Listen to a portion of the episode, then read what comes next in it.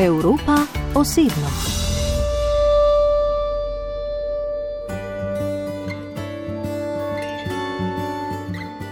Dobro, no, upokojil sem se, ne umrl. Je v svojem slogu, polnem inteligentnega humorja, pred skoraj tremi leti, le nekaj dni po dokončnem slovesu od vrhunskega alpskega smučanja, odvrnil rojakinji Ragnhild Movinkel, ko ga je začudena zagledala v fitnesu. Yeah, for me, um, that was what was good with my career is that um, I skied a little bit longer than I thought I would. Sam sem smučal dlje, kot sem si predstavljal, zato sem bil kar srečen, ko sem končal.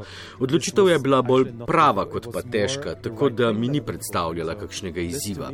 Seveda pogrešam vse skupaj, ampak sem srečen, da sem se upokojil. I'm also very happy that I, uh, that I retired at the right time. Tako je ob srečanju v Seldnu razlagal norvežan Aksel Lund Svindal, dvakratni olimpijski zmagovalec, petkratni svetovni prvak, ki je sicer na velikih tekmovanjih zbral skupno kar 13 odličij, v svetovnem pokalu pa zmagal 36 krat, osvojil dva velika kristalna globusa in devet malih. In njegove vitrine bi se še bolj šibile pod težo priznanj in pokalov, če ne bi njegove karijere zaznamovale številne poškodbe. Še vedno imam v glavi slike ob grozljivem padcu v Beaver Creeku leta 2007. 11 cm rana na stegnu, počeni zobje, zlomljen nos, premaknjeno črevesje, zlom ene izmed kosti v hrbtenici, odstranitev slepiča in pet zlomljenih obraznih kosti, ki so jih odkrili šele po skoraj dveh tednih. Taka je bila bilanca paca na progi ptic roparic. Na zadnjega je za najlepše, kar ponuja alpsko smučanje Evropa, osloviti Štrajf leta 2016. If you, so what's the, the coolest thing about ski racing is the skiing. And then the second coolest thing is kind of being, you know, with the team and uh, that. Najbolj kul cool stvar pri tekmovalnem smučanju je smučanje samo. Potem pa je tu še preživljanje časa z ekipo, druženje z reprezentančnimi kolegi. In moja težava zadnjih let je bila, da sem smučal mogoče 50-30 odstotkov v primerjavi z Jansrudom in Kildejem. Ko sta ona dva potovala in smučala, sem sam sedel doma na sobnem kolesu. In to je na koncu prevladalo. Večino tistega, kar res ljubiš, pač ne moreš početi, zato je tudi padla ta odločitev. Obstajal pa je še en razlog za konec njegove kariere, ki ga številni vrhunski smočari sicer ne vidijo: šampioni pač. Of, um, Strah, da nisi popolnoma pripravljen. Če leta smučaš le na polovici predvidenih tekem, kako potem lahko zmaguješ? Ne moreš, ne smeš. Če nekaj delaš le na pol, zadovoljstva ni več. In če kdo, potem to dobro ve Aksel, ki se je poslovil po svetovnem prvenstvu v Oreju leta 2019, potem ko je v smuku osvojil srebrno kolajno.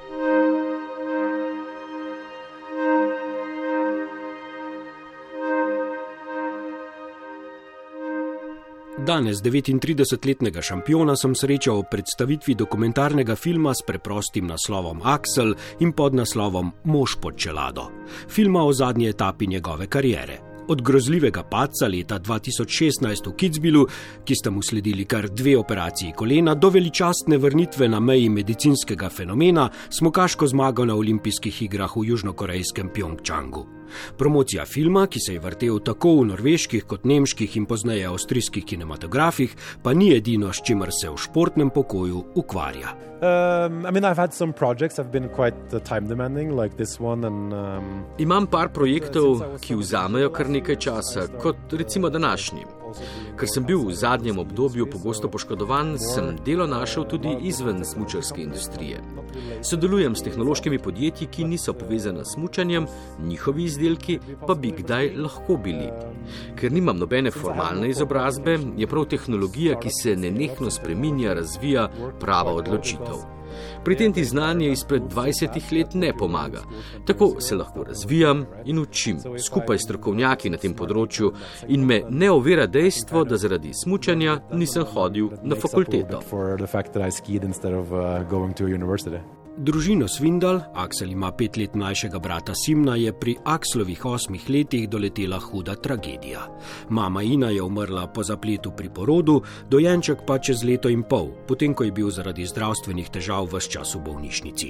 Sesutemu očetu Bjornu, s katerim sta brata zelo povezana, so potem pri vzgoji pomagali starši. Oče je storil vse, da bi nadaljevali dejavnosti, s katerimi so se ukvarjali prej, tudi smučali.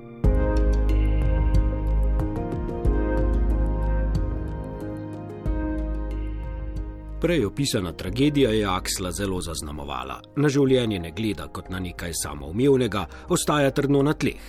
Tako ob uspehih, kot tudi ob razočaranjih, poškodbah ga nikoli ni zajela pretirana euforija. Zato je tudi o prvih občutkih ob gledanju dokumentarnega filma govoril brez pretiravanja. You sit there and you're nervous and you think, will people like this? Sam sebi si največji kritik. Ob gledanju sem se spraševal, ali bo ljudem vse skupaj sploh všeč.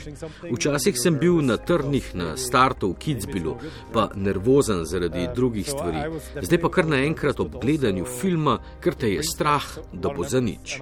Po drugi strani pa se ob gledanju vračajo številni spomini in na koncu sem bil pošteno utrujen. Pa tudi srečen, da sem se upokojil.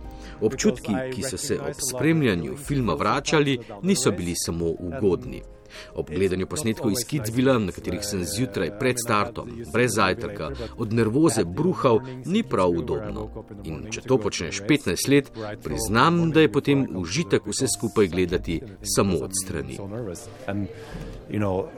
After doing that for 15 years, it's also kind of nice to kick back and just watch the races from the sideline, to be honest. Šele ob omenjenih prizorih človeku postane malce bolj jasno, kaj na vides neustrašni smukači doživljajo ob najzahtevnejših preizkušnjah. Je bilo pa svindala tudi ob posnetkih, ki niso nastali na progah, malce strah. Uh, v nemščini sicer ne pride tako do izraza, ampak v originalu je moč spremljati, kako zelo zadrugiran sem v bolnišnici po operaciji in tega nisem videl še nikoli. Sam sebe nikoli ne vidiš pijanega in to je bila kar poštena izkušnja.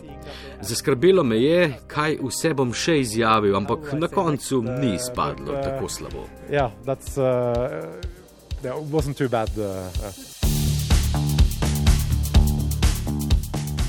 Aksel je nastopil na štirih olimpijskih igrah. Prvič leta 2006 v Torinu, na zadnje pa pred štirimi leti v Južni Koreji, ko je pri 35 postal tudi najstarejši smukaški zmagovalec v zgodovini iger.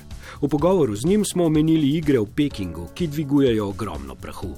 Zaradi kršenja človekovih pravic se vrstijo diplomatski bojkoti iger, ki jih je Kitajska dobila po odpovedi kandidature nekaterih veliko bolj smučarskih držav, tudi norveške. First of all, I think that uh, I can only speak for my own country, but if there's no if there's no traditional winter sport countries with a democratic decision, Lahko govorim predvsem v imenu svoje države, ampak če država brez tradicije zimskih športov organizira igre brez predhodne demokratične odločitve, potem imamo problem. Avstrija je rekla ne, Nemčija prav tako in tudi Norveška je rekla ne. Potem pa so tu dvojna merila. S prstom kažeš na državo, ki po tvoje ne bi smela organizirati igr. Zaradi teh in teh razlogov ti pa svojo ekipo vseeno greš na te igre in tam pobereš ogromno kolajn, ter se s tem še hvališ. Norveški novinari radi razpredajo o tem, kje vse ne bi smeli organizirati igr. Naslovnice časnikov pa so polne slik naših uspešnih športnikov. Potem bi morali tudi oni sprožiti debato o tem, ali so igre sploh še smiselne, drugače gre samo za dvojna merila. Namesto da države kažejo s prstom na druge, bi morale doseči dogovor. Ja, z veseljem bomo gostili olimpijske igre, ampak A, B in C se mora spremeniti, da bodo igre spet vzor, da bodo spet primer, kako mora svet delovati. But maybe A, B and C needs to change for the Olympics to be a good role model on how the world should, should work. Na olimpijskih igrah je osvojil dve zlati ter po eno srebrno in bronasto kolajno. Bil je navdušen nad motokrosom in vodnimi športi, med počitnicami je z veseljem oblekel tudi pilotsko uniformo in letel z norveškimi vojaki. Vse skozi je bil eden največjih ljubljencev smučarske karavane, tako med športniki kot med navijači in novinarji.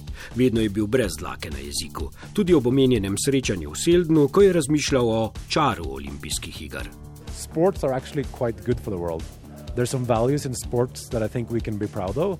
And we should have sports in the world. And in sports, I think Olympics, I mean, why was Olympics the coolest thing I went to? Šport je seveda koristen. Vsebuje vrednote, ki so za svet pomembne. In olimpijske igre so pomembne, ker so nekaj velikega v primerjavi s tem, kar sicer počnejo športniki. Bodimo pošteni, vsak dan se s mučanjem ukvarjamo športniki iz majhnega dela sveta. Pri najboljših ne moremo govoriti o razpršenosti, niti na moški, niti na ženski strani. Ko pa vključimo olimpijske igre, se ta nabor zelo poveča. Pridružijo se športniki, ki uresničujejo svoje olimpijske sanje, ki ne vključujejo boja za kolajne, vključujejo pa olimpijski duh, navdih, prvotno idejo športa. In če to ni nekaj dobrega, Razočaran sem, ker to ne šteje prav dosti, ker je, tako kot v politiki, v ozadju predvsem populizem. Čiste, uspešne zgodbe se ne prodajajo, tudi pri igrah. V zadju mora biti, da nimo tako kot v primeru Kitajske, problem otroškega dela, izkoriščanja otrok ali na drugi strani, kako je Norveška osvojila največ kolajn. Vmes pa so zgodbe o omejeni olimpijski ideji, ki ne vključuje kolajn in problema dela otrok. Te pa tabloidov ne zanimajo. Vprašanje bi moralo biti, ali naj sploh še imamo olimpijske igre in ali naj potem države kot Norveška rečejo, veste kaj, zaradi vseh teh grozot naših športnikov na igrah ne bo. Ker v bistvu to govorijo, pa tega ne rečejo in to je slabo. No Norwegian athletes are, can go because it's horrible. Because basically that's what they're saying. They're just not saying it. That, that's what I think it's, uh, it's bad. Stvari torej niso črno-bele, niti ob igrah v Pekingu, ki bodo po 16 letih prve olimpijske brez Aksla Lunda Svindala v tekmovalnem dresu. So pa prav te igre, pa tudi prejšnje v Južni Koreji, odprle Pandorino skrinjico in zastavile številna vprašanja. Tudi o tem, ali mora biti res nosilec kandidature mesto. Zakaj ne država, ko pa bi se s tem izognili velikanskim stroškom organizacije? Or can you say that, you know what? Mora res biti organizator mesto?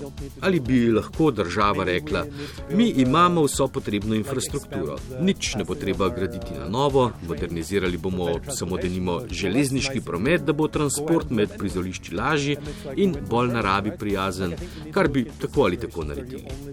To bi bila win-win pozicija. Zgradili bi samo stvari, ki jih država potrebuje za razvoj, ne bi pa naredili denimo novega stadiona za otvoritveno slovesnost ali pa bob stezo ali pa denimo skakalnice. Na Norveškem, v Avstriji, Nemčiji so v uporabi, v večini držav pa so tam samo zato, ker je določeno mesto gostilo igre.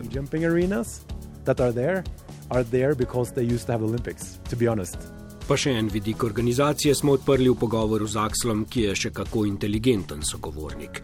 Kje je smisel zimskih olimpijskih iger, ki jih pripravljajo v predeljih brez naravnega snega?